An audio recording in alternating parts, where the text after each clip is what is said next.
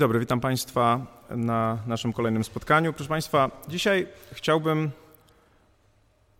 opowiedzieć o zagadnieniu, które od wielu, wielu lat spędza sens powiek zarówno prawnikom, jak i politykom, czyli o zagadnieniu dyskrecjonalności sędziowskiej, przez które rozumiem, i nie tylko ja, pewną wolność, którą ma sędzia, wynikającą z tego, jak funkcjonuje prawo, jak ono jest skonstruowane, jak funkcjonuje jego język. A mówię, że ta problematyka spędza sen z powiek zarówno prawnikom, jak i politykom, bo dla prawników jest oczywiście pewną szansą na uzyskanie większej władzy. Jeżeli tekst prawny zostawia pewne przestrzenie, w których można wprowadzić rozstrzygnięcie i można to rozstrzygnięcie oprzeć na tym, jak samemu się rozumie pewne zagadnienia, jak y, się rozumie pewne kwestie moralne, to oczywiście jest to pewna przestrzeń władzy.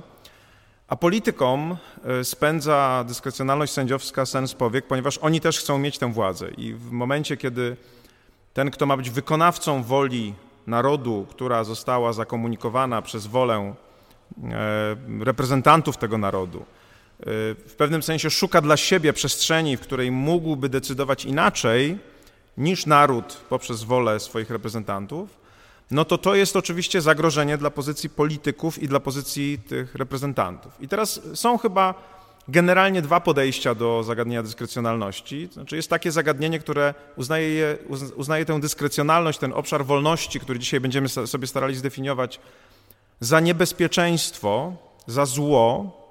E, I tu głównie oczywiście takie stanowisko przyjmują właśnie politycy, którzy chcieliby w jakimś sensie tych sędziów kontrolować. Takim archetypicznym przykładem jest Napoleon, który zakazał interpretacji prawniczej, e, uznając, że ta interpretacja właśnie pozostawia pewną przestrzeń dla prawników, w szczególności dla sędziów, w której oni mogą zmienić wolę tego, kto to prawo ustanowił. E, można także do dyskrecjonalności podchodzić zgodnie ze starym powiedzeniem it's not the bug, it's a feature. To znaczy to nie jest problem, to nie jest jakieś zepsucie, jakiegoś rodzaju e, niedoskonałość systemu, tylko jest to jego funkcja, jest to jego jeden z elementów, który ma tam po prostu być.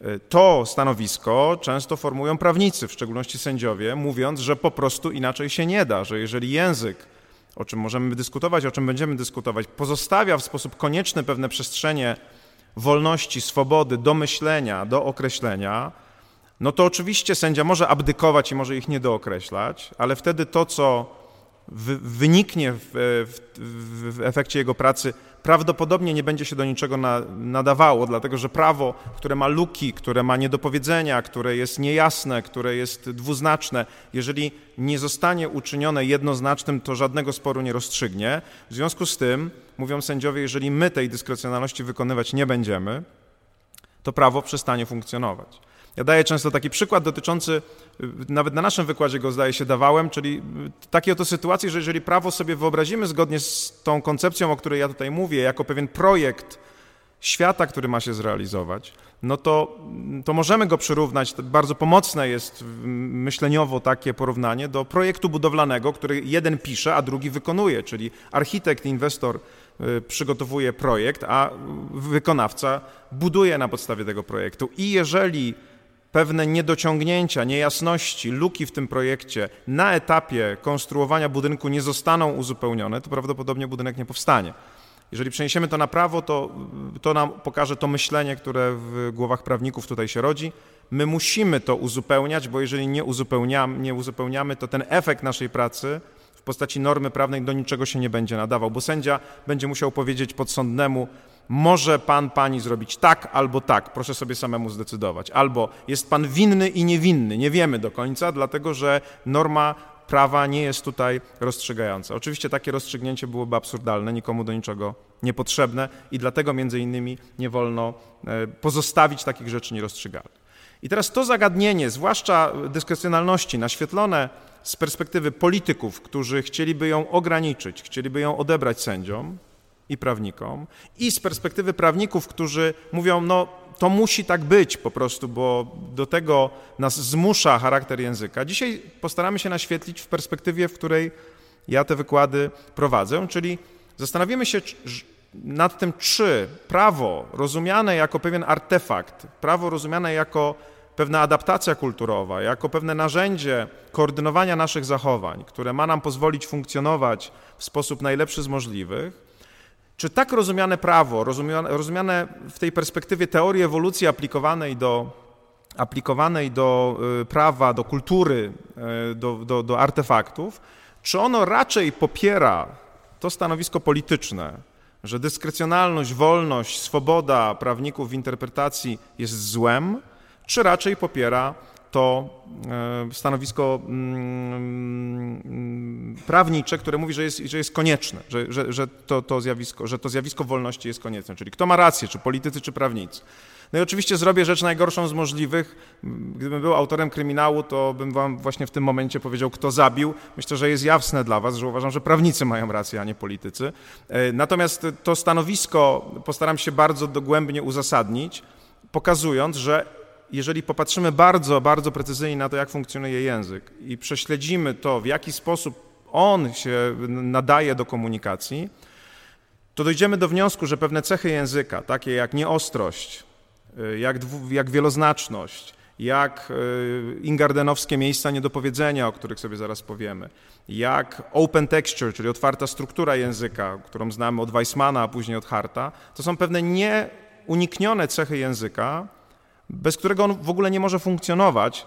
No, a ponieważ chcemy mieć język i chcemy się komunikować, to musimy zrozumieć, że odbiorca tego języka, w tym przypadku sędzia czy prawnik, który odbiera komunikat od prawodawcy, musi po prostu w tym środowisku żyć. Cytując klasyka, taki mamy klimat po prostu. Tak ten język funkcjonuje, nie da się inaczej. I będziemy dzisiaj o tym, o tym rozmawiać. Oczywiście można powiedzieć, że ja tutaj nie jestem obiektywny i pewnie nie jestem, no bo jestem prawnikiem, a nie politykiem, ale Wydaje mi się, że po tym wykładzie, taką przynajmniej mam nadzieję, będziecie mieli też lepsze rozeznanie, dlaczego te przestrzenie wolności i swobody w interpretacji się pojawiają i rzeczywiście, że one są naturalne, że to nie prawnicy wymyślają sobie te przestrzenie, mimo że nieraz są o to oskarżani. Jak wielokrotnie się spotkałem z takim przekonaniem, że prawnicy specjalnie zamgliście piszą tekst, tak? że specjalnie tekst prawny przygotowują w taki oto sposób, żeby on był niejasny, żeby później na interpretacji zarabiać. E, oczywiście no, można by było powiedzieć, że to jest niesamowity skok na kasę, gdyby się specjalnie trudno pisało, czy w sposób niejasny teksty prawne, później zostawiając sobie przestrzeń do interpretacji. Natomiast wszystkie badania pokazują, że to raczej politycy zaciemniają tekst niż prawnicy. Przede wszystkim dlatego, że to głównie politycy jednak pracują nad tekstem prawnym, czy to w ministerstwach, czy później w parlamentach. A po drugie, dlatego, że tak jest im łatwiej znaleźć konsensus. Bo nie, jeżeli jest ustawa, zwłaszcza kontrowersyjna, to im bardziej mglisty język, tym bardziej można przekonać drugą stronę, czy partnera koalicyjnego, czy nawet opozycję, że głosując nad tym językiem, zgadzają się na to, co myślą, że ten język wyraża. Jeżeli natomiast język jest precyzyjny, no to wtedy trudniej te jakby deale polityczne potrzebne dla uchwalenia ustawy e, regulować. Zacznijmy zatem tę dyskusję na temat przestrzeni związanej z nazywanej dyskrecjonalnością i zastanówmy się, czy rzeczywiście jest konieczna, czy jest niebezpieczna. Tak nawet można by było sobie ten wykład e, zatytułować. I zacznijmy od kazusu, który jest często wykorzystywany, żeby pokazać, jak dziwnym tworem, jak dziwną kreacją jest język i w jaki sposób może nas zaskakiwać. Mianowicie kazus amerykański, sprawa Smith versus United States – sprawa, którą rozstrzyga Sąd Najwyższy, dotycząca rozumienia frazy z użyciem broni palnej, czyli using the firearm, z użyciem broni palnej. Mianowicie mamy oto taki stan faktyczny. Istnieje norma prawa karnego, która y, zakazuje y, dokonywania przestępstw narkotykowych, w szczególności handlu, handlu narkotykami i jest specjalna forma tego przestępstwa, w której jest zaostrzona odpowiedzialność i to bardzo surowo zaostrzona, o wiele wyższa kara grozi, jeżeli przestępstwo narkotykowe nie jest po prostu przestępstwem narkotykowym, ale jest przestępstwem narkotykowym popełnianym z użyciem broni palnej. I to sformułowanie z użyciem broni palnej jest głównym przedmiotem zainteresowania naszego, ale także Sądu Najwyższego, który musi rozstrzygnąć, czy użyto broni palnej w następującej sytuacji faktycznej. Dwóch agentów y, pod przykrywką udających handlarzy narkotyków proponują transakcję rzeczywistemu handlarzowi narkotyków, umawiają się z nim, zdaje się, w hotelu, umawiają się, że przyniosą narkotyki w torbie, a on kupi te narkotyki barterowo za broń, to znaczy będzie miał także w torbie mm, jakiś tam karabin półautomatyczny czy automatyczny. I rzeczywiście dochodzi do tej transakcji, to znaczy oni przekazują mu torbę, a on przekazuje torbę z bronią w środku. No i oczywiście wtedy oni się odkrywają, okazuje się, że zostało popełnione przestępstwo i on zostaje oskarżony o popełnienie przestępstwa narkotykowego z użyciem broni palnej. No i tu następuje pewien problem, bo myślę, że już na pierwszy rzut oka czy ucha słyszycie, że to, że to nie jest takie typowe użycie broni palnej. Tak? Typowe użycie broni palnej, które pewnie mamy przed oczami, kiedy człowiek sobie wyobraża tę frazę, to jest sytuacja, kiedy ktoś, nie wiem, grozi komuś, strzela do kogoś, przynajmniej posługuje się tą bronią w sposób, powiedzielibyśmy, naturalny. Czyli w tym sensie naturalny, zgodnie z jej funkcją, do tego, do czego ona została stworzona. W tej sytuacji oczywiście broń jest na miejscu przestępstwa, ale posłużono się nią w sposób nienormalny, nienaturalny, mianowicie stanowi, ona po prostu zapłatę. Nie jest, prawdopodobnie jest w ogóle rozłożona, nie jest nabita, funkcjonuje w innym, w innym układzie czy w innym wykorzystaniu niż normalnie. Sprawa ta wątpliwości, czy w tej sprawie użyto broni palnej, czyli czy ten człowiek powinien odpowiadać y, o wiele surowiej za swoje przestępstwo, jest rzeczywiście trudna, bo trafia do Sądu Najwyższego. I Sąd Najwyższy dzieli się, jak to zwykle bywa, na frakcje. Jest tam frakcja ludzi, którzy uważają, że należy interpretować frazę z użyciem broni palnej szeroko. Trochę w odniesieniu, trochę z użyciem starej y, paremi lege non distinguente, czyli że jeżeli prawo nie rozróżnia, o jakie użycie chodzi, to każde użycie jest objęte znamieniem, powiedzielibyśmy, tego przepisu karnego. Czyli jeżeli prawodawca nie powiedział, że chodzi mu o użycie broni palnej, na przykład poprzez e, grożenie nią, celowanie czy wystrzelenie z niej, to znaczy, że każde użycie jest objęte tym zakazem, a niewątpliwie użycie broni palnej jako zapłaty jest użyciem broni palnej, no bo użycie, tutaj sędziowie, którzy stoją po tej stronie, przedstawiają definicje słownikowe terminu użycie, mówiąc, że jest to właśnie czynienie użytku z czegoś, posłużenie się czymś. Jest to definicja tak szeroka, no, że oczywiście da się nią objąć także to handlowanie bronią, przekazanie broni jako, przekazanie broni jako zapłaty. Po drugiej stronie w Sądzie Najwyższym gromadzi się grupa sędziów, w szczególności wśród nich jest znany sędzia, oryginalista Antonin Scalia, który mówi: Słuchajcie, to jest bez sensu, co wy mówicie. Tak? Generalnie powinniśmy interpretować przepisy, a już na pewno przepisy karne, które no nie powinny zaskakiwać ludzi, w sposób normalny, w sposób potoczny, w sposób powszechny. Y, I mówi Scalia w swoim zdaniu odrębnym, że jeżeli ja mam piękną, rzeźbioną, drewnianą laskę, którą dostałem od mojego pradziadka i wieszam tę moją laskę w swoim gabinecie na ścianie, czy w swoim, na swoim, w swoim mieszkaniu, na korytarzu na ścianie, no to czy byście powiedzieli, że ja posługuję się laską, tak, że ja używam laski? Nie, no powiedzielibyście, że używam laski wtedy, kiedy chodzę z nią i się nią podpieram, bo to jest naturalne użycie laski. Natomiast tak użycie jej jako ozdoby czy jako pamiątki nie znajduje się w tej przestrzeni, którą byśmy określili mianem użycia. No i sprawa zostaje rozstrzygnięta i Scalia przegrywa. To znaczy ta większość, która uważa, że to użycie powinno być interpretowane szeroko, jest większa niż mniejszość i niestety Smith zostaje skazany surowiej za, za to przestępstwo. Natomiast ta sprawa nam pokazuje, że w samym potencjale języka istnieje jakieś, jakaś przestrzeń niejasności, swobody, wymagająca interpretacji. No i już teraz możemy zadać sobie pytanie, czyja to, czyja to wina? Znaczy, czy to, że prawodawca użył sformułowania z użyciem broni palnej, nie zdefiniował tego użycia, a definicja słownikowa użycia jest tak szeroka, to wina prawników? No nie, no raczej nie, no po prostu jest to cecha języka. Natomiast można oczywiście zastanawiać się nad tym, co się tutaj zdarzyło, dlaczego taka sytuacja powstała. Mianowicie Wynika ona oczywiście z tego, że słowo użycie może być traktowane jako słowo nieostre. Nieostrość to jest jedna z podstawowych cech języka w ogóle, a oczywiście języka mm, prawnego także, która polega na tym, że nie jesteśmy w stanie określić bardzo precyzyjnie wszystkich odniesień słowa z góry. To znaczy, my, kiedy widzimy słowo w postaci definicyjnej, właśnie słowo użycie, to nie jesteśmy w stanie sobie wyobrazić wszystkich, czy skończonego zbioru referentów, czy odniesień, które, do których to, to słowo, słowo będzie się odnosiło.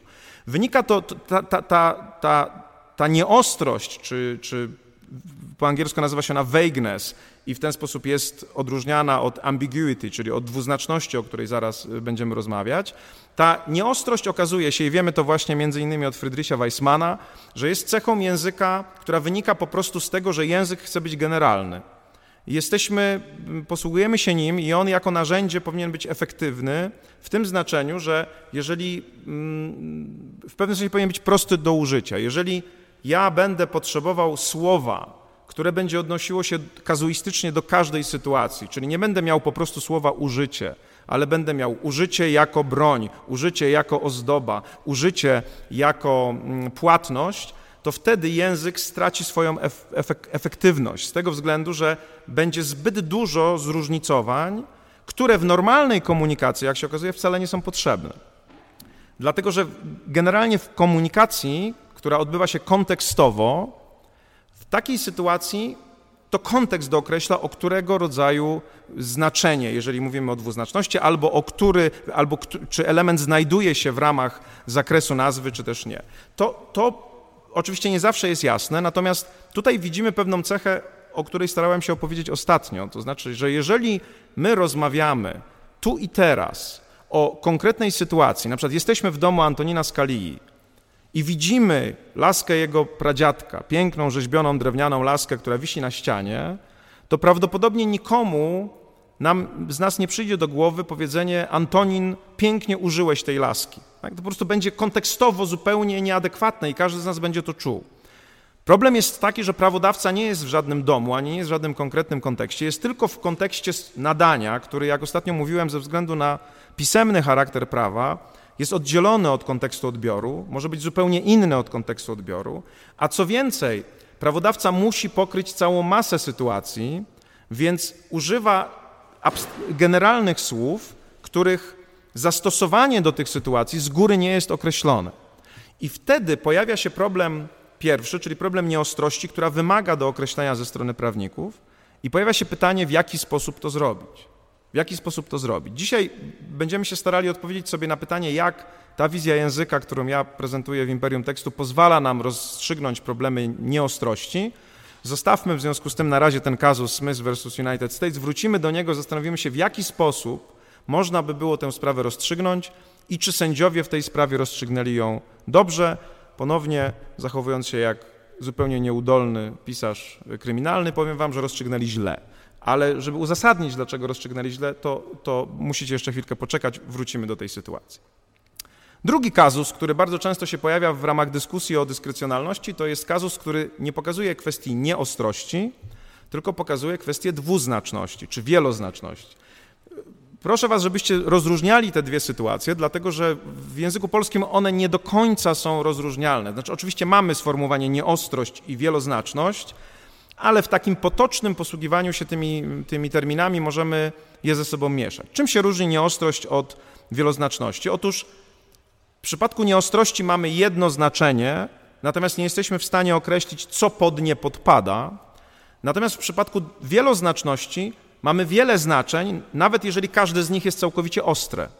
Typowym przykładem w języku polskim słowa wieloznacznego jest słowo zamek, które może odnosić się do zamka w drzwiach, zamka w kurtce albo do warowni rycerskiej. I generalnie ta wieloznaczność nie ma nic wspólnego z nieostrością. W konkretnych sytuacjach, kiedy już ustalimy, o które znaczenie zamka czy zamku chodzi, to, to ono jest ostre. To znaczy, generalnie, oczywiście no, można dyskutować, być może są jakieś warownie rycerskie, które nie spełniają kryteriów zamku, być może są jakieś zamki w drzwiach, co do których ktoś będzie miał wątpliwość, czy jest zamkiem, czy nie, ale jak widzicie na tym przykładzie, sytuacja nieostrości da się oddzielić od sytuacji wieloznaczności, czyli możemy mieć sytuację wielu znaczeń, z których każde jest ostre, a możemy mieć sytuację jednego znaczenia, które jest nieostre. Więc teraz mamy kazus, który pokazuje sytuację wieloznaczności czy dwuznaczności, tak zwany kazus pomidora, czyli kazus, który dzieje się mniej więcej pod koniec XX wieku, także w Stanach Zjednoczonych, także sprawa trafia do Sądu Najwyższego. Y, mm, akurat tak się zdarza, że te przykłady z Sądu Najwyższego są tak bardzo interesujące i sytuacja dotyczy y, następującego stanu faktycznego. Mamy przedsiębiorcę, który handluje pomidorami i je zdaje się, importuje, jeżeli dobrze pamiętam, i oczywiście ze względu na to, że je importuje, płaci pewnego rodzaju stawkę, zdaje się, cła od tego importu.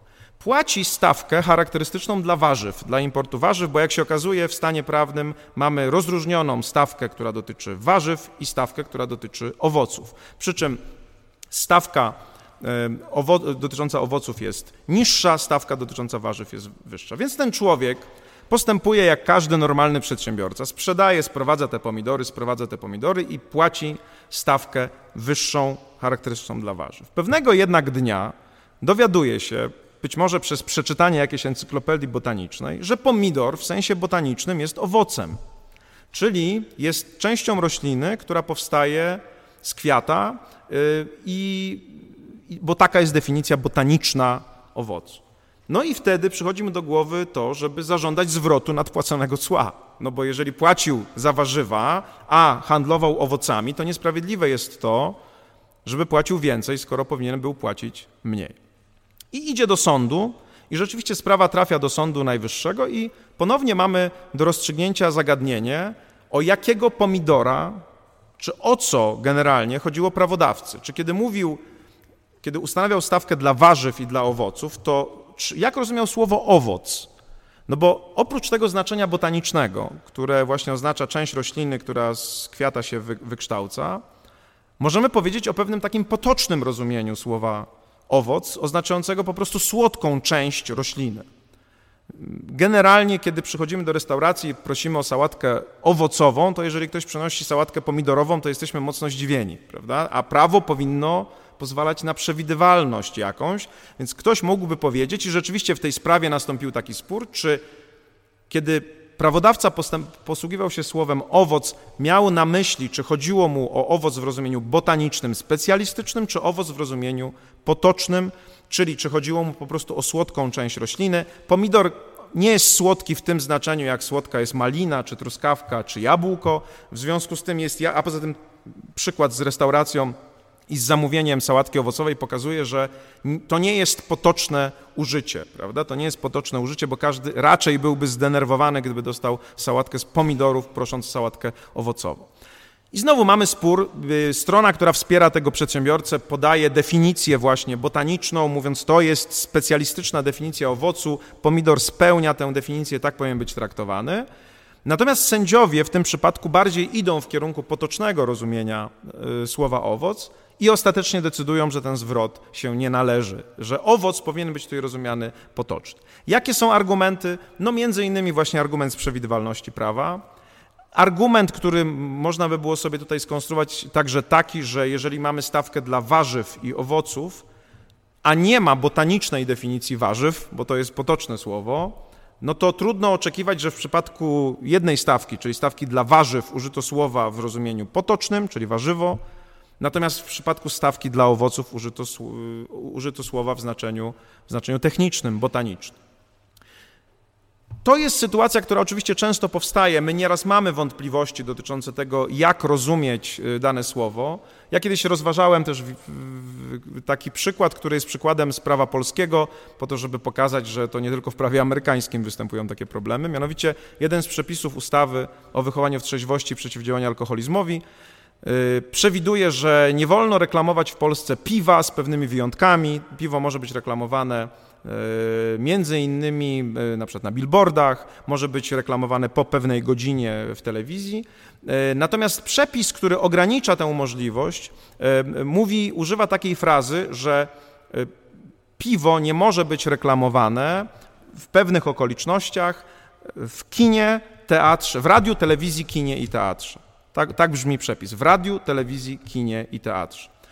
I teraz wydaje się, że ten przepis nie jest nieostry czy wieloznaczny, y, kiedy się na niego patrzy. Natomiast bardzo często, i to jest bardzo ciekawe zjawisko, wieloznaczność albo nieostrość powstaje dopiero w zderzeniu ze stanem faktycznym. Kiedy nagle pojawia się stan faktyczny, który jest zaskakujący. I ten stan faktyczny tutaj się pojawił, mianowicie pojawia się człowiek, który pyta, czy wolno mu reklamować piwo w tym miejscu, gdzie kupuje się popcorn czyli przy, w, lobby, powiedzmy, nie wiem, Cinema City, dajmy na to, prawda? Czyli w miejscu, w którym jeszcze kino jako sala kinowa się nie zaczyna, Tam ludzie kupują bilety, no ale jest to budynek ten sam, tak? jest, to, jest to budynek kina. No i w zderzeniu z tym stanem faktycznym powstaje pytanie, czy jeżeli prawodawca użył sformułowania w kinie czy teatrze, to chodziło mu o kino i teatr jako budynki, czy chodziło mu o kino i teatr jako medium.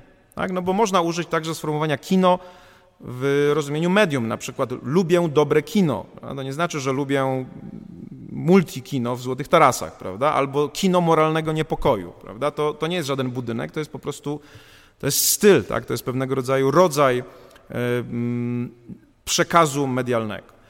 No więc ten stan faktyczny pozwala, nakazuje nam spotkać się z pewnego rodzaju właśnie wątpliwością. Mamy tutaj do czynienia z dwuznacznością co najmniej. Kino ma dwa znaczenia w tym, w tym przypadku, czy nagle nam się pojawia taka wątpliwość, które z tych znaczeń mamy wybrać. Kino jako budynek, kino jako medium. I znowu możecie sobie w głowie teraz rozpatrzyć ten kazus. On nie był rozpatrywany przez sąd. Można zbudować argumentację w jedną i w drugą stronę. Będą tacy, którzy powiedzą, że jeżeli celem prawodawcy jest ograniczenie spożycia alkoholu i wychowanie w trzeźwości, to być może w obu tych znaczeniach jest zakazana reklama. Znaczy zarówno w budynku, jak i poprzez medium. Będą też tacy, którzy powiedzą, że nie do końca, no bo z kolei na przykład, skoro piwo może być reklamowane na zewnątrz, na billboardach, to dlaczego nie miałoby być w budynku kina reklamowane? Y, I jednocześnie zaznaczą, że prawdopodobnie chodziło tutaj o to, że medium jest bardziej, ma większy impact na nasze rozumienie, bardziej nas napada jak gdyby nasze zmysły, kiedy siedzimy w, w, sali kinowej, która jest zaciemniona i ktoś nam mówi pij piwo, pij piwo, prawda, to, to, to może wprowadzać nas w taki stan, który jest o wiele bardziej wpływowy niż e, tak, taka sytuacja, powiedzmy, przypadkowego kontaktu na przykład z billboardem. Poza tym ktoś powie, sformułowanie pełne tele, radio, telewizja, kino, teatr, w radiu, telewizji, kinie i teatrze daje też pewną wskazówkę, bo pewnie absurdalne byłoby przejęcie, że nie wolno reklamować piwa wyłącznie w budynku przy Woronicza 17, prawda? Y, chodzi o telewizję jako przekaz, tak? o radio jako przekaz, więc prawdopodobnie o kino i teatr także jako przekaz. Można dokonać jeszcze innych analiz, na przykład można y, zbadać e, tak zwany korpus lingwistyczny, zobaczyć w jakich kontekstach to jest używane. Do tego zaraz jeszcze wrócimy, bo to jest jeden ze sposobów badania. Tutaj się pokazuje bardzo ciekawe zagadnienie, Ci, którzy próbują rozstrzygnąć problemy nieostrości czy wieloznaczności, także mają co najmniej dwa pomysły. To znaczy, są tacy, którzy uważają, że trzeba sięgnąć właśnie do umysłu prawodawcy i pomyśleć, co on miał na myśli. Y, są tacy, którzy uważają, że trzeba raczej prześledzić praktykę językową. I tutaj mówię o tym, ponieważ chcę pokazać powiązanie pomiędzy tym, co mówiłem tydzień temu, jak pamiętacie, wtedy mówiłem o tych dychotomiach, które, w, których, w których można rozumieć język prawa, interpretację prawniczą. I wtedy krytykowałem jedną, jeden element tej dychotomii, mówiąc, to jest złe, tak prawnicy nie powinny myśleć. Chwaliłem drugi element dychotomii. E, już nam się pojawił, pojawiła w naszych dzisiejszych rozważaniach dychotomia pismo Y, mowa, to znaczy kiedy mówiłem o tym, że zmiana kontekstu powoduje zwiększenie problemów z nieostrością czy, czy z y, dwuznacznością, ale tutaj pojawia nam się jeszcze jedno zagadnienie. Otóż ci, którzy chcą szukać rozwiązania dla nieostrości czy dwuznaczności w umyśle prawodawcy, myślą internalistycznie, czyli myślą tą, tą stroną dychotomii internalizm, eksternalizm, czyli tym przekonaniem, że znaczenia mieszkają w głowach i że intencja tego, kto mówi, przekonanie tego, kto mówi, jest najlepszym kryterium rozstrzygnięcia problemów z nieostrością czy, czy, czy z wieloznacznością. Eksternaliści, którzy, jak pamiętacie, uważają za Patnamem, że znaczenia nie mieszkają w naszych głowach, tylko tworzą się w pewnej praktyce społecznej i w interakcji z rzeczywistością, powiedzą, nie szukajcie niczego w głowie, bo nawet nie wiadomo, czyja to głowa ma być przedmiotem waszego przeszukania. Tak? Jest 460 posłów, 100 senatorów, prawo może być zmieniane przez wiele różnych parlamentów, więc spójrzcie raczej na praktykę użycia słowa, czyli bądźcie bardziej eksternalistyczni. Praktyka jest na zewnątrz umysłu i spróbujcie zbadać, w jaki sposób praktyka używa słów i jak w danych kontekstach te słowa powinny, powinny funkcjonować. I teraz, żeby spróbować objąć te trzy kazusy, o których sobie tutaj powiedzieliśmy, czyli kazus e, dotyczący użycia broni palnej, kazus pomidora jako owocu i ten kazus kina, wieloznaczności, czy budynku, czy, czy przekazu, spójrzmy na to, w jaki sposób rozumienie języka które uwzględnia jego pisemność, rozumienie języka, które opiera się na tym, że ten język jest raczej powinien być rozumiany eksternalistycznie niż internalistycznie.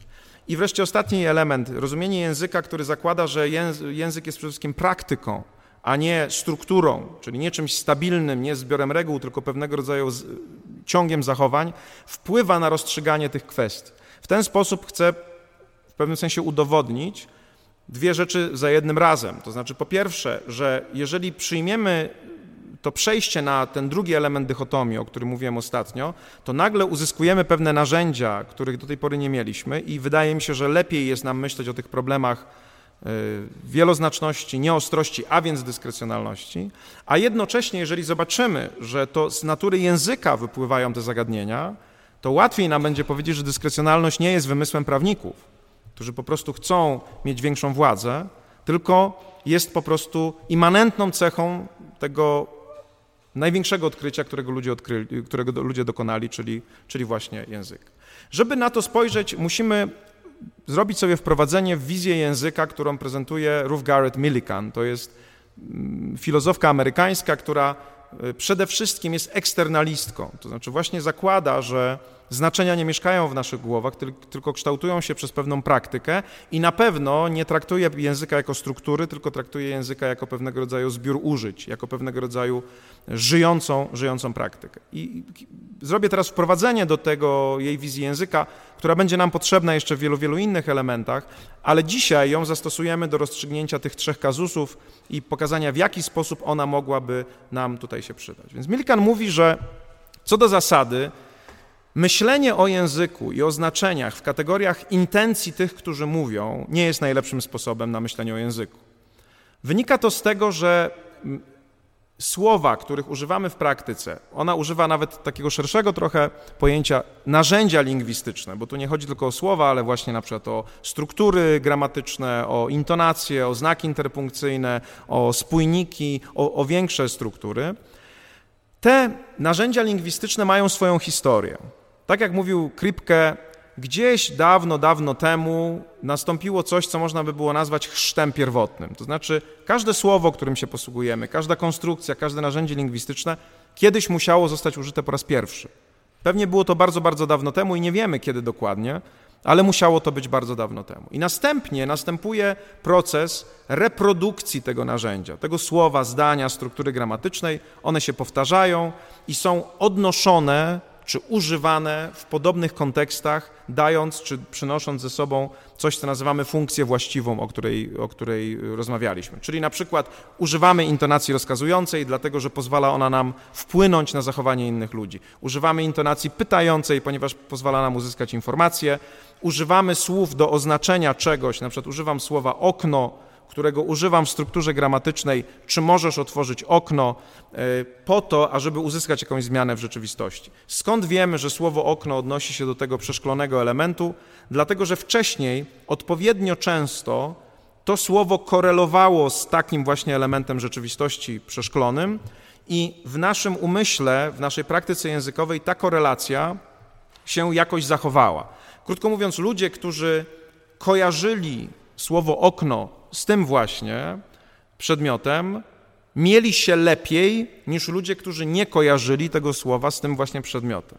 To trochę dziwnie brzmi. Dlaczego ktoś, kto kojarzy słowo z, prawidłowo z oknem, ma się lepiej, czyli korzysta z funkcji języka, a ktoś, kto nie kojarzy, nie korzysta?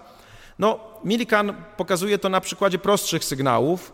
Akurat pewnie, gdy ktoś nie skojarzy, co to okno, to nie umrze od razu, chociaż można by było sobie wyobrazić, że jeżeli jest na przykład na dworze królewskim i król wydaje polecenie otwarcia okna, a ktoś nie wie, co to jest okno, jego zachowanie może zostać potraktowane jako niesubordynacja i może zostać na przykład skazany. Ale jeżeli pomyślimy o tym, że są ważniejsze słowa w naszym życiu niż okno, dotyczące takie jak uważaj, albo zdanie ten lód jest cienki, albo ten grzyb jest trujący, nierozpoznanie właściwego znaczenia tych słów od razu przenosi się na to, czy na naszą sytuację życiową, to znaczy na to, czy się mamy lepiej, czy mamy się gorzej, czy w niektórych przypadkach żyjemy, czy umieramy.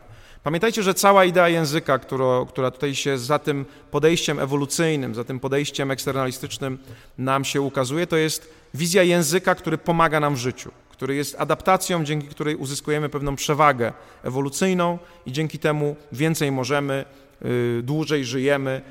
Rozmowa, konwersacja, umiejętność komunikacji jest na pewno, jest na pewno takim narzędziem. Więc mówi nam Millikan, że słowa, zdania, narzędzia lingwistyczne mają swoje historie i ona nazywa te historie linearzami.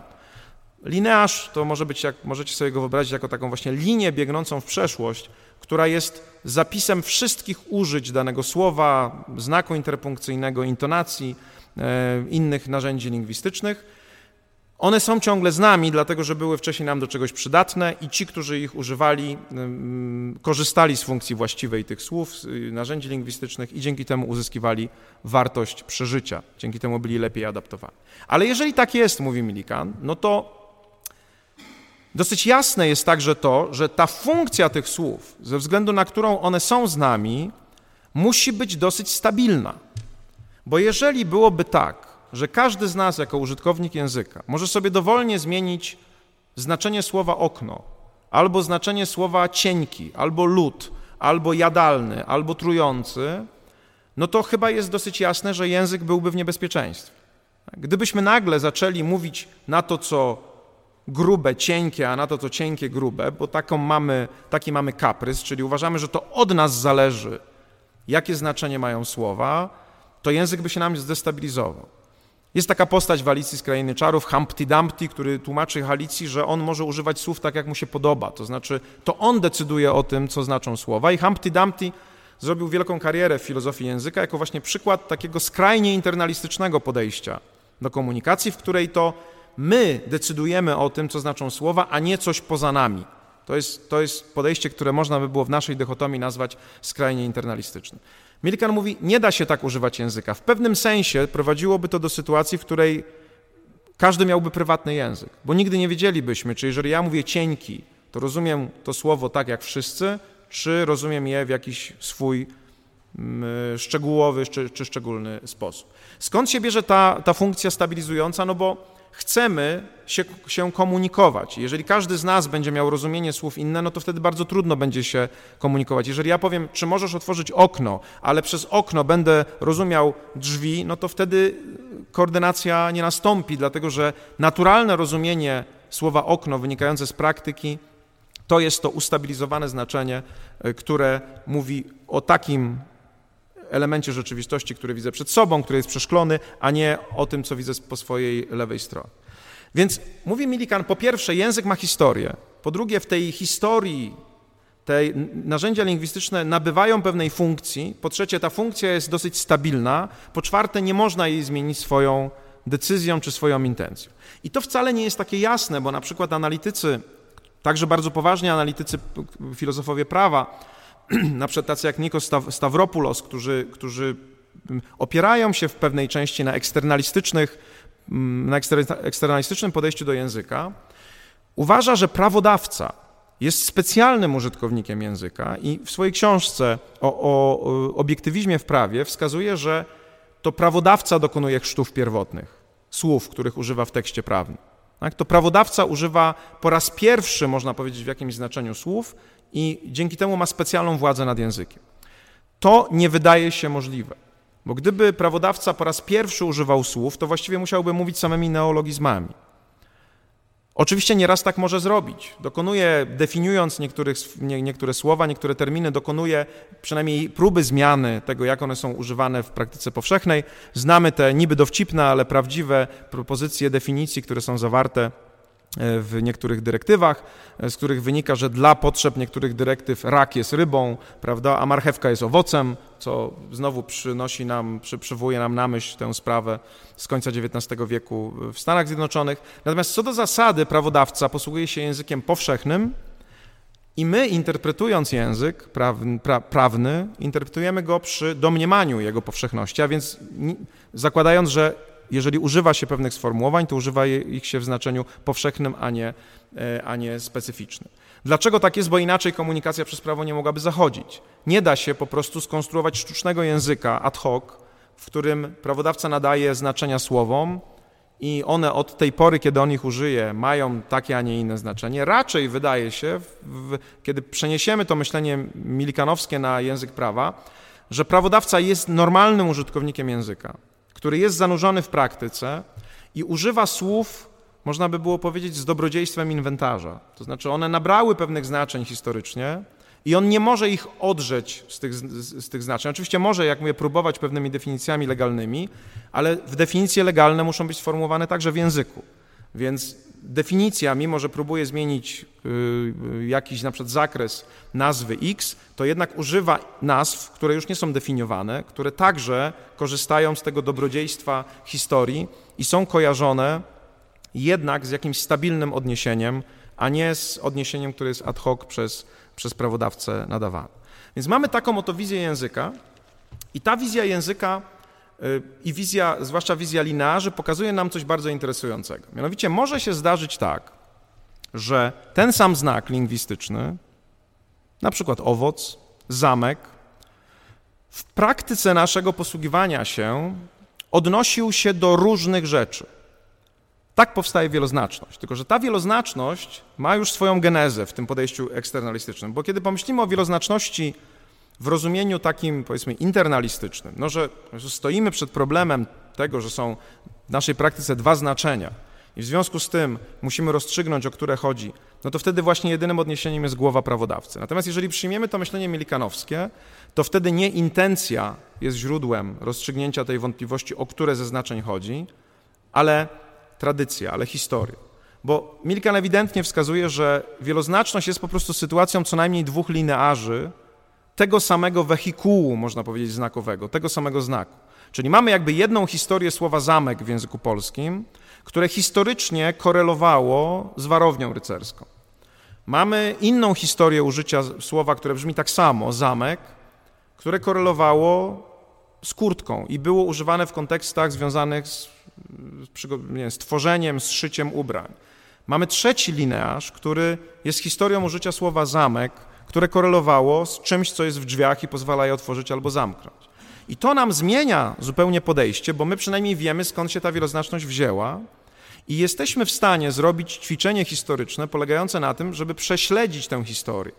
Co to znaczy ją prześledzić? To znaczy sprawdzić, jak wyglądały typowe konteksty w przeszłości, w których słowo zamek użyte w konkretnym linearzu, o który nam chodzi, y, wchodziło w jakąś relację z rzeczywistością.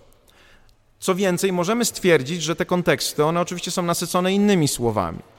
I więc jeżeli w danym kontekście, z którym mamy do czynienia teraz, tu i teraz, pojawiają się te inne słowa, no to tym bardziej wskazują nam o, na to, o jaki nam kontekst chodzi.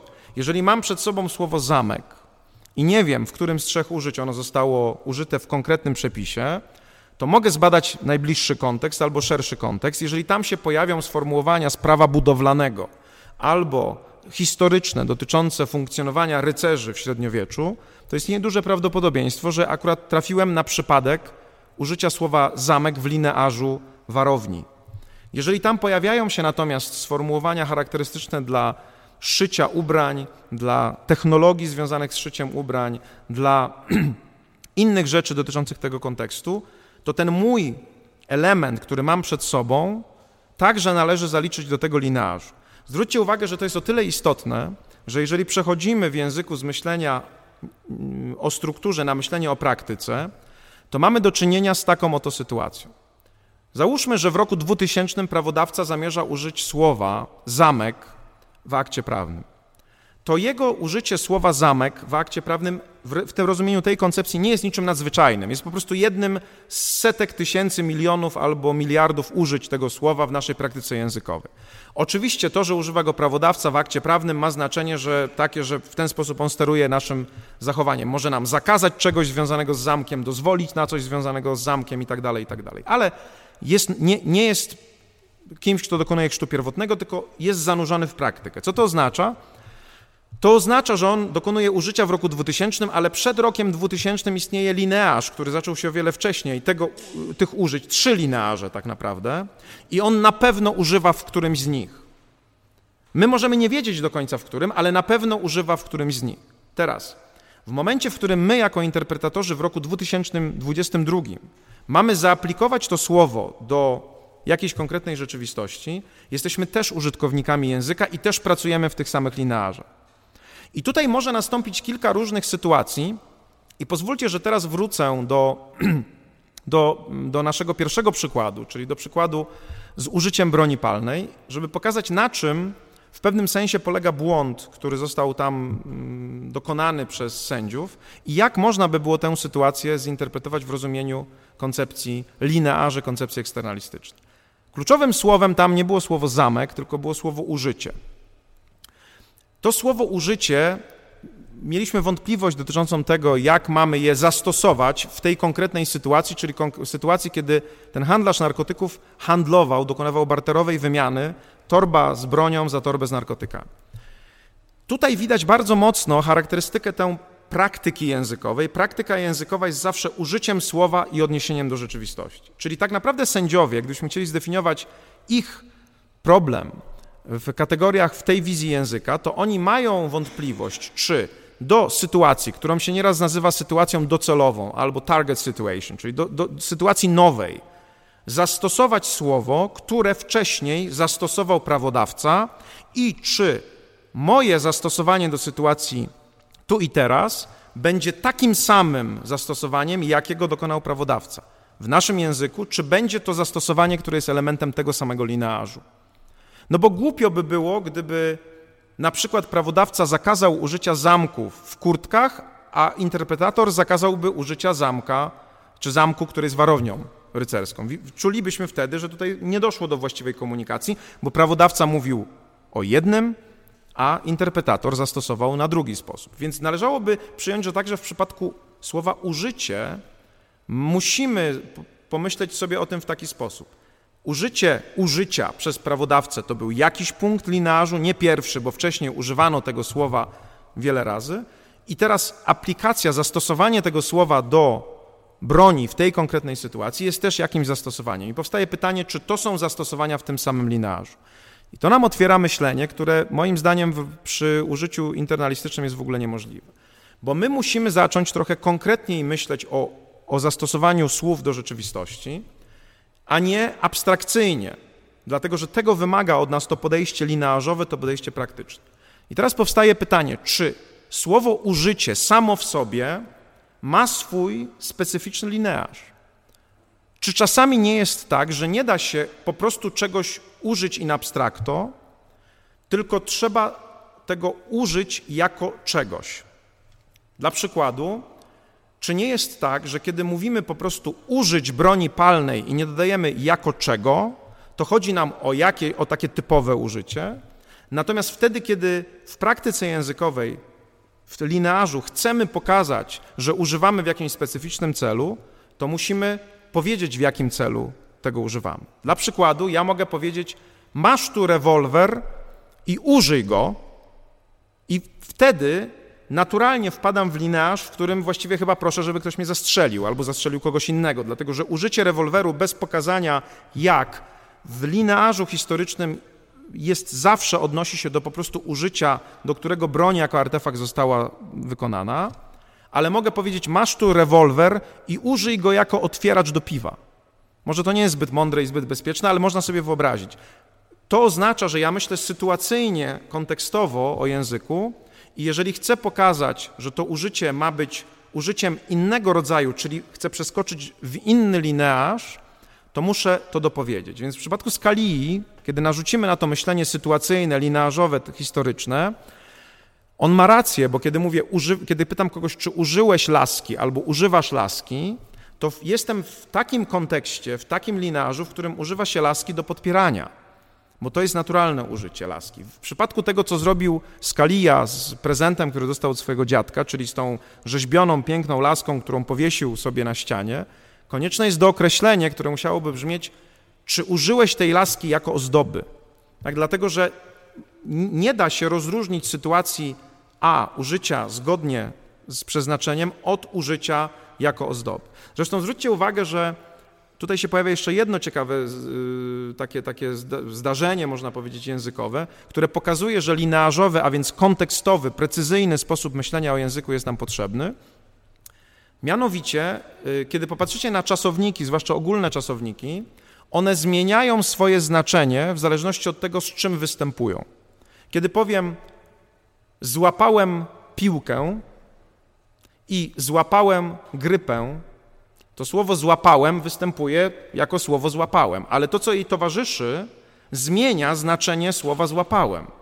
Bo kiedy mówię złapałem piłkę, no to złapałem ją fizycznie, przy użyciu mojego ciała. Kiedy mówię złapałem grypę, to oczywiście też ją złapałem fizycznie, ale nie ręką, tak? tylko po prostu zaraziłem się grypą.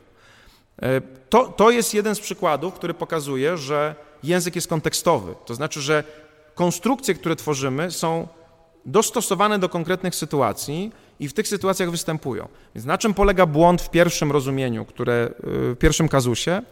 Sędziowie zbytnio wyabstrahowali słowo użycie i uznali, że ono może istnieć w słowniku niezależnie od sytuacji, w której jest używane. I dlatego właśnie okazało się, że ono jest tak pojemne. Bo tak naprawdę to, co oni zrobili, oni użyli słowa użycie we wszystkich linarzach, w których występuje słowo użycie, nawet jeżeli w tych konkretnych linarzach występuje raz w normalnym użyciu, a raz w użyciu jako ozdoba, w użyciu jako otwieracz albo jeszcze w jakimś innym celu, czy w użyciu jako środek pieniężny do zapłaty. Tylko myślenie linarzowe, które sprowadza język do historii użyć w konkretnych sytuacjach i odróżnia te sytuacje, bo odróżnia funkcję.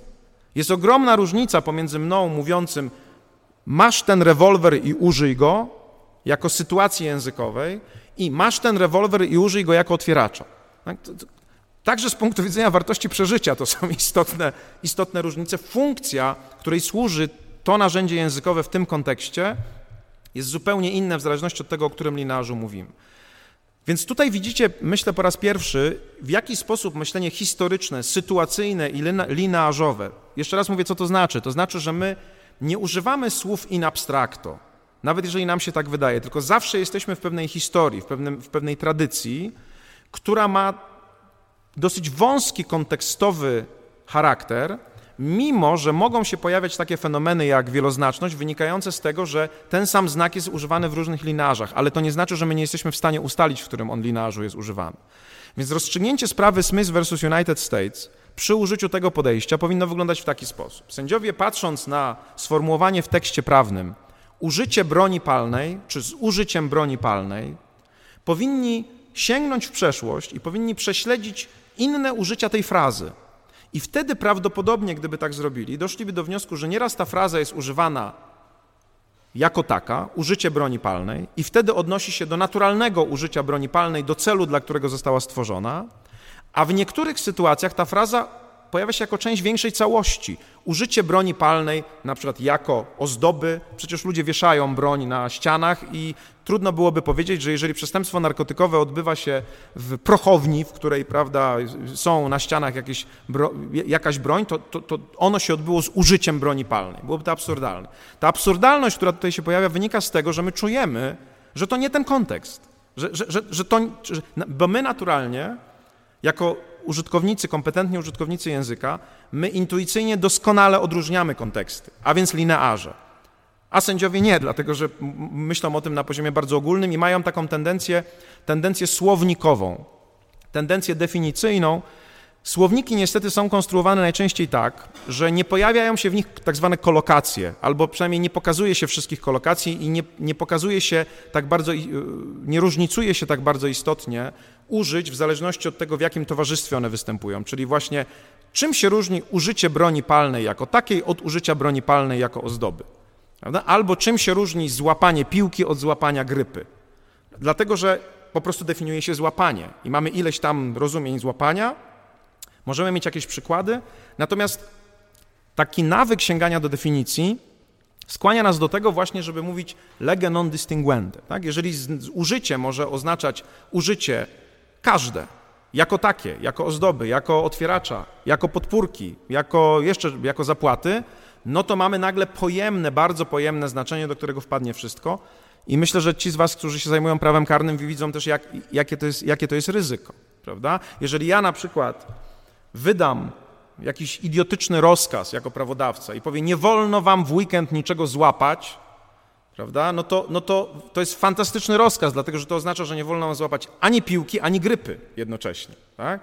Ale czujemy, że z punktu widzenia precyzji języka to jest głupi rozkaz, dlatego że jeżeli ja wiem, o jakie złapanie mi chodzi, no to powinienem je dookreślić, dlatego że posługujemy się posługujemy się językiem w pewnych kontekstach. Oczywiście, jeżeli jest pandemia COVID-u i ja mówię, pilnujcie się, żeby w weekend niczego nie złapać, tak, no to ten kontekst, w którym ja użyłem tego sformułowania, raczej przemawia, że chodzi mi o złapanie wirusa, a nie o złapanie piłki, prawda? Ale jeżeli jestem nauczycielem WF-u i daję jakiś instruktaż dotyczący jakiejś wymyślonej przeze mnie gry, w którym ktoś, kto łapie piłkę, przegrywa i mówię, nie wolno wam złapać, tak? czy nie wolno wam łapać, to też ten kontekst dookreśla tę sytuację, w której użyłem tego języka.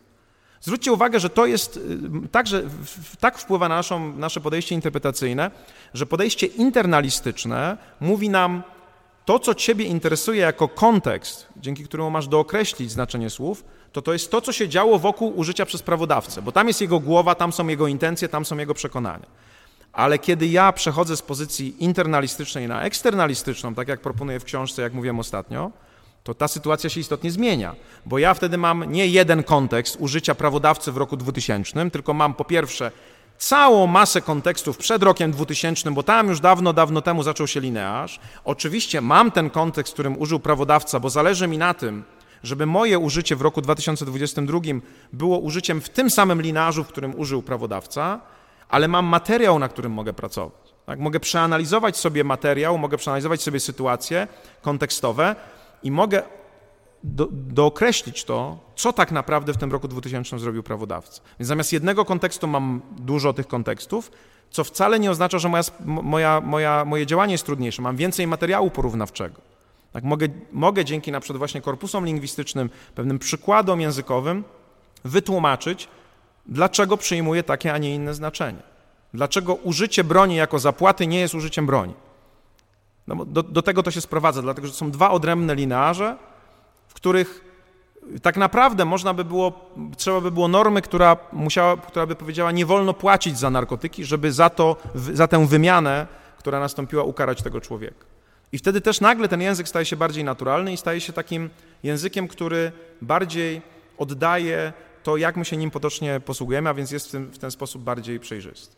Spróbujmy teraz tę koncepcję Milikany i tę koncepcję linearzy, tradycji i użyć odnieść do przykładu z pomidorem.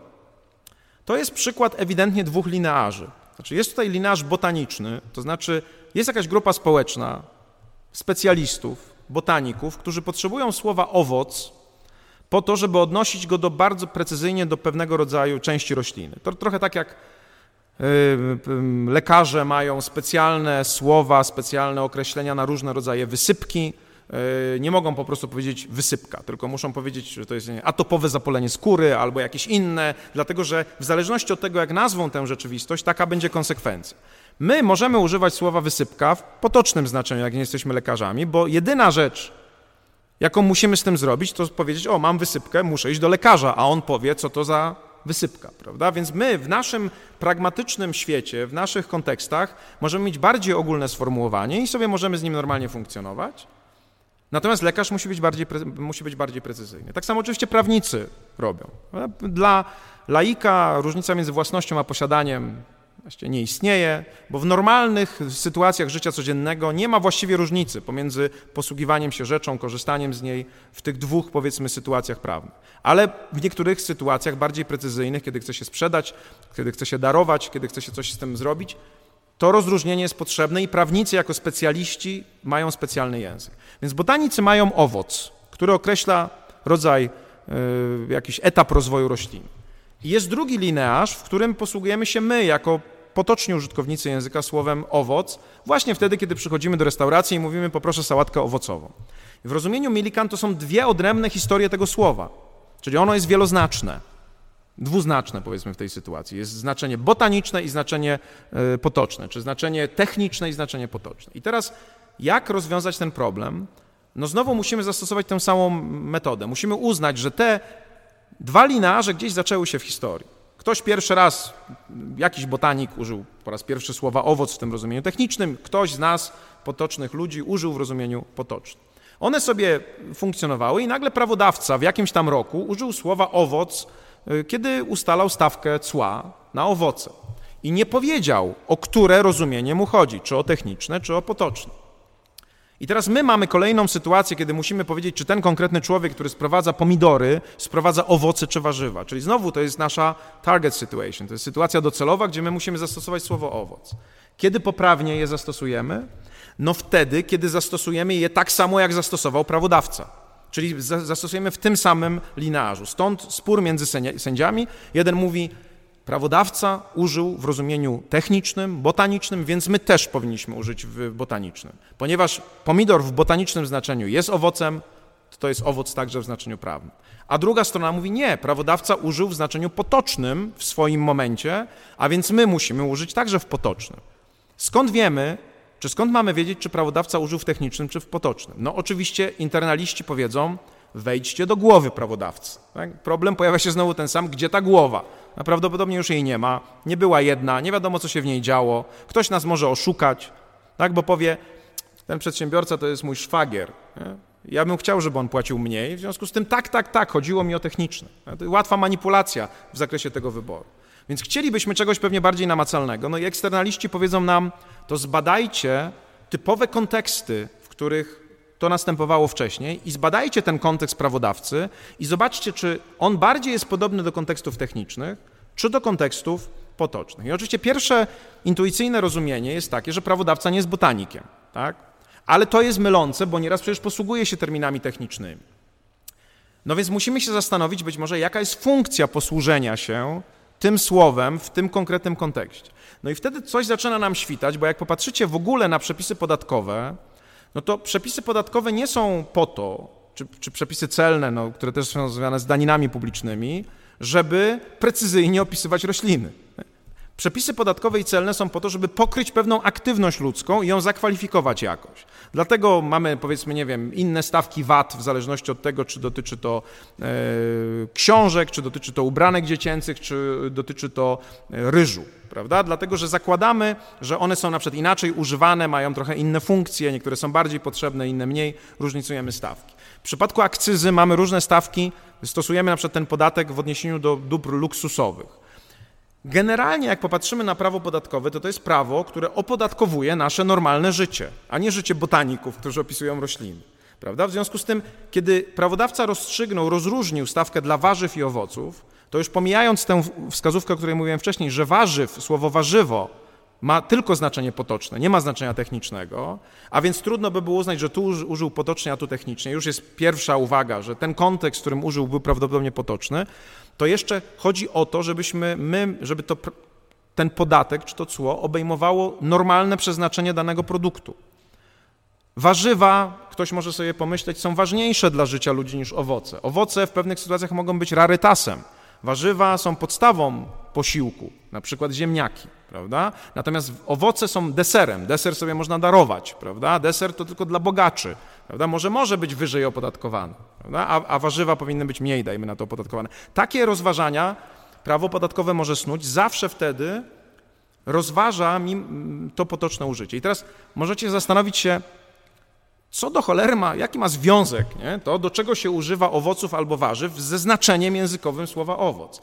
No właśnie ma, jeżeli przyjmuje się pragmatyczną, kontekstową, funkcjonalną ideę funkcjonowania języka. Tak? Że język jest po to, żeby radzić sobie z rzeczywistością. Nie jest po to, żeby abstrakcyjnie rozmawiać o czymś, o jakichś wielkich ideach, tylko działa w konkretnym świecie, w, w odniesieniu do konkretnych naszych zachowań.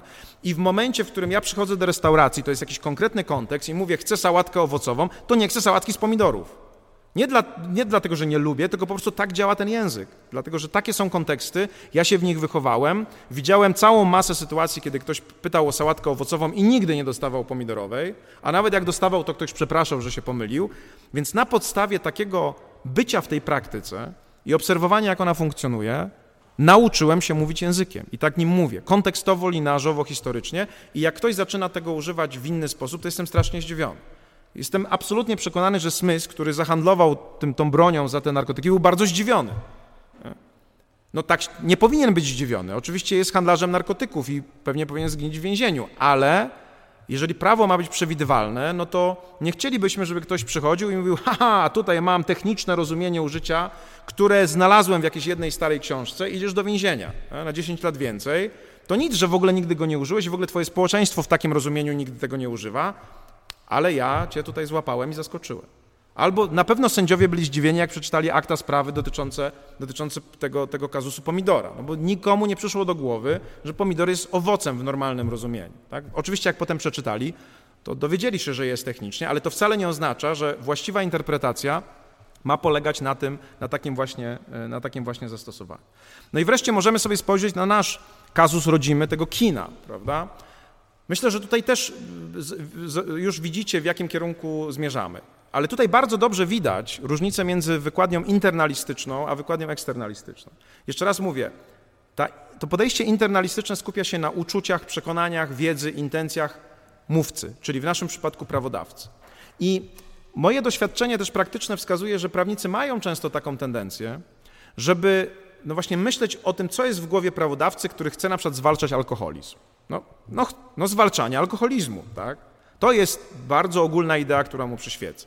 Więc jeżeli ma prawnik wątpliwość, czy ma dozwolić reklamy w sytuacji X, czy ma jej zakazać, no to właściwie w tym podejściu internalistycznym będzie jej zawsze zakazywał, tak? No bo, no, no bo taki, taka jest intencja prawodawcy, ona zresztą jest wyrażona w preambule do ustawy. No ale czy aby na pewno my ją definiujemy odpowiednio?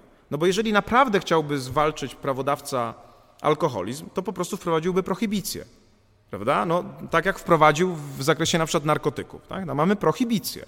Więc jeżeli jednak ustawa alkoholowa różni się od ustawy narkotykowej czymś, no to my musimy wniknąć, czym ona się różni. I już, ta, już nam się zaczyna robić problem z tą intencją, już ona się nam zaczyna trochę rozmywać, bo nagle się okazuje, że przecież to są legalne produkty, piwo, one są w różnych miejscach reklamowane, więc na pewno ta intencja nie może być taka jednoznaczna. I ona zaczyna nam się rozpływać. Nie jest już wcale taka oczywista. Więc być może jednak nie intencja, ale konwencja, czyli pewien sposób użycia.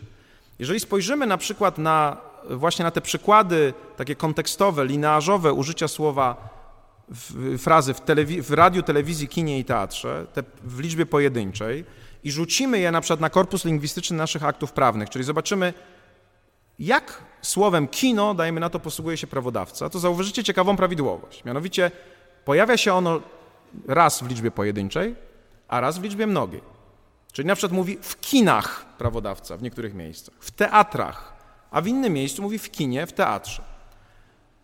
Jakie są konteksty tych wypowiedzi? Tam, gdzie chodzi mu, tam, gdzie używa przepisów technicznych, na przykład budowlanych, mówi w liczbie mnogiej.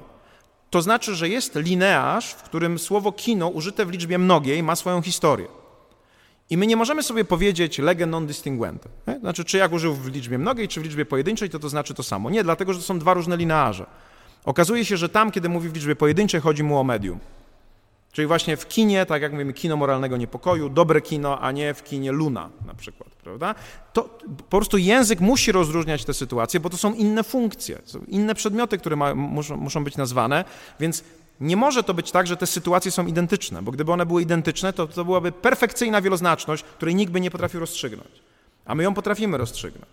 Więc tutaj nie idziemy drogą internalistyczną, myśleniem o intencjach prawodawcy, zwłaszcza, że jak mówię, ona jest tutaj dalece niejasna, tylko idziemy tradycją, linarzem i patrzymy, w jak w swojej narracji, w swoim dyskursie prawodawca używa tych dwóch sformułowań, bo okazuje się, że one są dwa. W liczbie mnogiej wtedy dotyczy to budynków, w liczbie pojedynczej dotyczy to medium.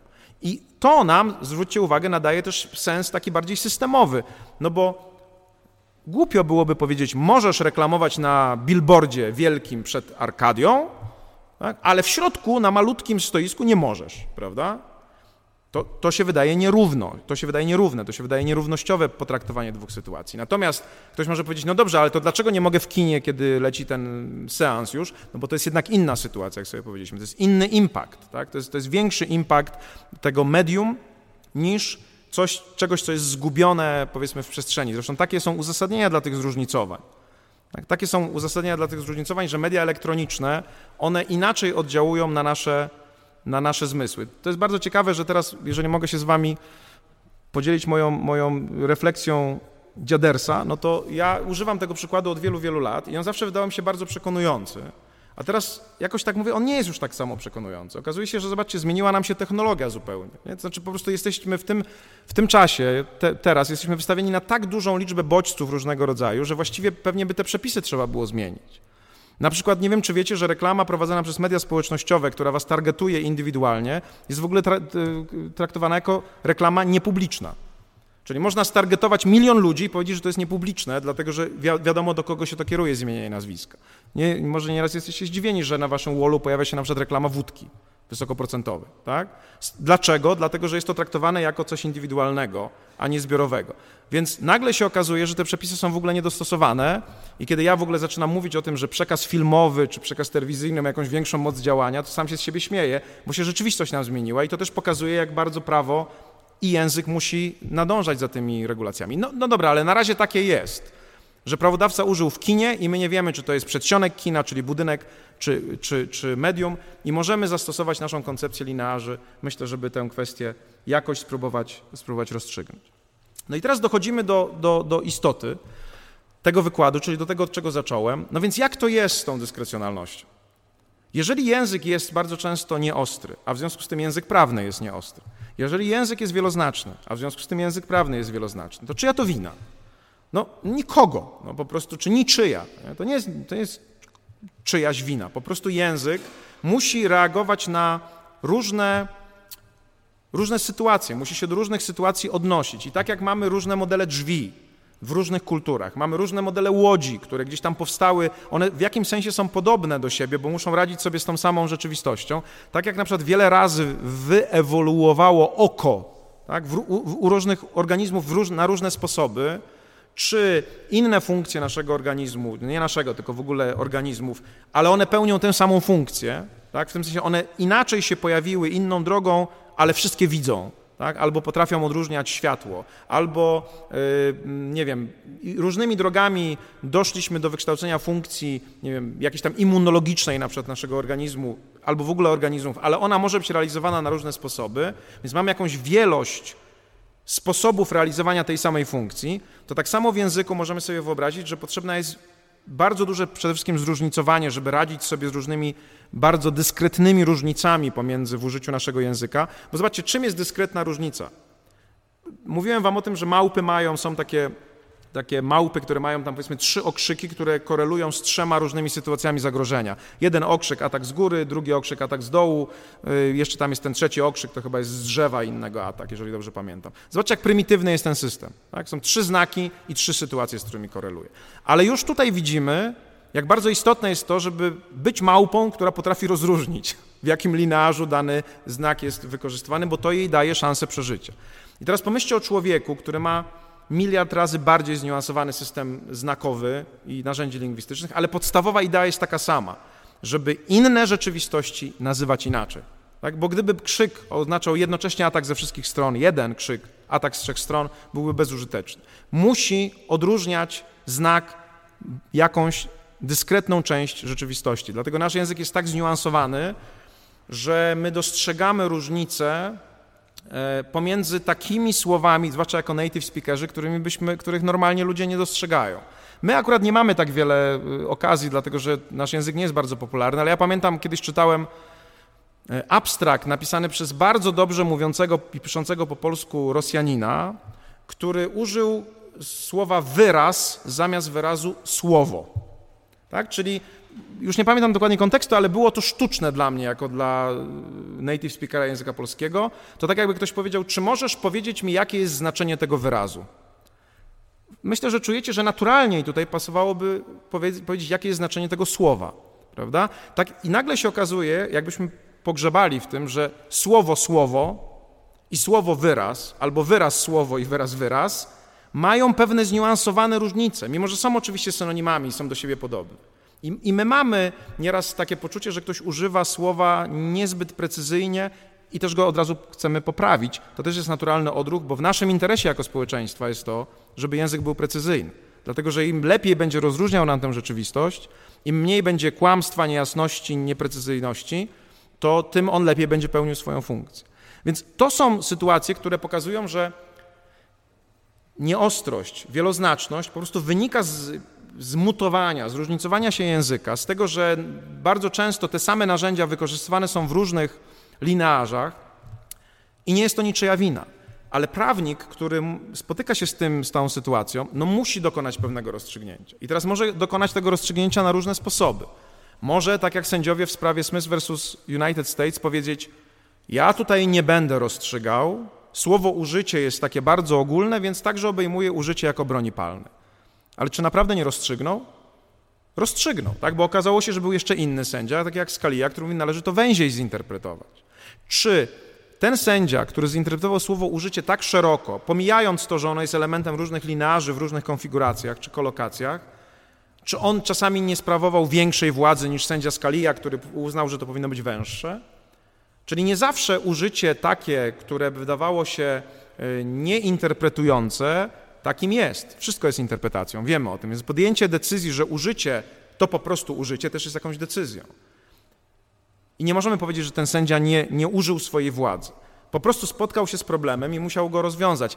Sposobem takim rozwiązania tego problemu, który ściąga z nas jako prawników, nie może odpowiedzialność, ale takie przekonanie, że to my decydujemy, jest powiedzenie: to nie ja decyduję, to język decyduje. To linearze decydują, to tradycja, historia, funkcja decyduje. Ale żeby to zrobić, ja to muszę udowodnić. I muszę to udowodnić trochę tak, jak starał się robić Scalia, podając przykłady i, i poz, po, pozwalając nam poczuć, że niektóre z nich są naturalne, tak? a nie, użyć broni do zastrzelenia kogoś, a niektóre są nienaturalne. Użyć laski, wieszając ją na ścianie. To są sytuacje, gdzie my testujemy zgodność naszych intuicji językowych z linarzami i możemy na przykład poprzez korpusy językowe eksternalizować naszą decyzję. Możemy powiedzieć, to nie ja tutaj decyduję, tak nasze społeczeństwo używa języka. I mam takie przekonanie, że gdyby sędziowie w sprawie Smith vs. United States nie skazali tego człowieka, powiedzieliby, nie mogłeś się spodziewać, że przyniesienie broni w torbie będzie użyciem broni palnej, więc niesłuszne byłoby ciebie, skazanie ciebie, a nie mogłeś się spodziewać, bo my tak nie mówimy jako ludzie, jako społeczeństwo, byłoby bardziej ograniczające dyskrecjonalność prawniczą niż dające sędziom władzę. Czy w sytuacji, w której sędziowie w sprawie pomidora jednak by zdecydowali o tym, że to botaniczne znaczenie ma sens, czy wtedy stałoby się coś dobrego? No, wydaje się, że dokonaliby też jakiegoś takiego sztucznego rozstrzygnięcia. Tak naprawdę byłoby to rozstrzygnięcie bardzo sztuczne, bo wydaje mi się, że z tych analiz naszych wynika, że to użycie w prawie podatkowym powinno być potoczne z tego samego powodu jak w prawie karnym. Bo my wszyscy jesteśmy użytkownikami tego języka. To jest prawo, które wpływa na nasze życie i powinno być sformułowane w języku tak, jak my mówimy w naszym życiu, a nie jak mówią botanicy. Prawda? Albo jak nie mówi nikt, bo nikt nie mówi w taki sposób, że użycie oznacza wszystko. Tak? Wszystkie użycia możliwe, czy złapanie oznacza jednocześnie wszystko, złapanie piłki, złapanie grypy. Kontekstowość zawsze powoduje, że ten język jest zniuansowany, ale też, że pozwala nam to spodziewać się, jakie będzie, będzie znaczenie. Y, więc to, co chcę Wam powiedzieć, to rzecz następująca, że przejście od, od tej dychotomii internalizm, eksternalizm na eksternalizm pewnym sensie paradoksalnie pokazuje, że to nie my rządzimy, tylko rządzi język, jak, który jest własnością społeczeństwa, jego stabilne funkcje, jego historia, jego tradycja, to po pierwsze. Po drugie, w, w odróżnieniu od decyzji internalistycznej, to znaczy takiej, w której ja mówię, prawodawca na pewno miał na myśli, kiedy ja mówię, nie obchodzi mnie do końca, co ten prawodawca miał na myśli, bo nie wiem, gdzie jest ta myśl, kto ją miał sformułować, ona jest nieosiągalna, tylko mówię, mam inną metodę, wam, której użyję, żeby was przekonać do mojej konkluzji interpretacyjnej. Czyli zbadam tradycję językową, pokażę przykłady, pokażę, uzasadnię, że w tym konkretnym przypadku prawodawca użył w linarzu A, a nie w linarzu B, a ja też chcę użyć w linarzu A, a nie w linarzu B, wtedy nagle nam się ta cała sytuacja obiektywizuje. Znaczy, jestem w stanie dzięki temu wejść na poziom, na którym ja nie rozmawiam o swoim, swojej dyskrecjonalnej władzy, która przez nikogo nie jest kontrolowana, tylko tłumaczę się, dlaczego podjąłem decyzję. Argumentuję, dlaczego podjąłem decyzję taką, a nie inną. Podsumowując, wydaje mi się, że użycie tej metody przede wszystkim powoduje, że to, co robimy jako prawnicy, jest bardziej przejrzyste. Bo jest jakiś materiał, o którym możemy rozmawiać, a nie tylko przekonanie, że coś się zrodziło w czyjejś głowie. Zwróćcie uwagę, że prawnicy są nieraz, czy byli bardzo często, współcześnie już nie tak bardzo, porównywali do kapłanów, tak, którzy wchodzili za zasłonę prawda, w świątyni, dowiadywali się tam czegoś na temat pewnych wizji, które są w umyśle Boga, wychodzili i przekazywali ludziom prawo, pra, prawdę objawioną. To był między innymi powód, takie właśnie zachowywanie prawników, którzy zachowali się jak kapłani, znaczy patrzyli w tekst jak w kulę jakąś, prawda, swoją kryształową i mówili, no wynika nam z tego, że aborcja powinna być zakazana, tak? bo tak chciał prawodawca, stracili zaufanie społeczne, dlatego że argumentacja na podstawie czyjejś intencji, woli jest bardzo trudno weryfikowalna. Tak samo taka argumentacja, która się często nazywa się formalistyczną, gdzie z jakichś konstrukcji, które są nieweryfikowalne, ktoś wyprowadza jakieś konkluzje, które są zaskakujące. Dla mnie tak, takim, takim przypadkiem jest ten Smith versus United States, to znaczy z jakiegoś abstrakcyjnego, e, akademickiego, słownikowego rozumienia słowa użycie, wyrwanego ze wszystkich możliwych kontekstów, robi się w tym kontekście konkretne znaczenie, to jest, to jest, to jest coś niezrozumiałego. Zastępujemy to wszystko czymś namacalnym. Tak? Pokazujemy, tak używamy tego słowa, tak używamy tej, tej konstrukcji, tak używamy tego języka. Usiądźmy wspólnie, zastanówmy się, po co to robimy, dlaczego to robimy, jaką funkcję uzyskujemy i zastanówmy się, co zrobić w tej konkretnej sytuacji, żeby taką samą funkcję zrealizować. Czyli w sprawie, mówimy to, o, tutaj o użyciu broni palnej, czy pomidora, o, mówimy o kinie, czy teatrze, czy o poważniejszych kwestiach, ta metoda, jak będę starał Wam się pokazywać, wydaje się lepsza, bo przede wszystkim jest bardziej przejrzysta i jest weryfikowalna. I ona także moim zdaniem pokazuje, że te cechy języka, które wymuszają mm, w pewnym sensie władzę dyskrecjonalną po stronie sędziów, one nie są przez nich kreowane, tylko są naturalną cechą języka. Tak po prostu funkcjonuje język. Natomiast to, co sędziowie mogą zrobić, to mogą właśnie zaproponować metody, które pokazują społeczeństwu, jak oni rozstrzygają te wątpliwości, tak żeby społeczeństwo wiedziało, że to nie jest ich widzimisię, tylko że jest to oparte na jakiejś racjonalności, w tym przypadku na racjonalności naszego języka. Czy są jakieś pytania?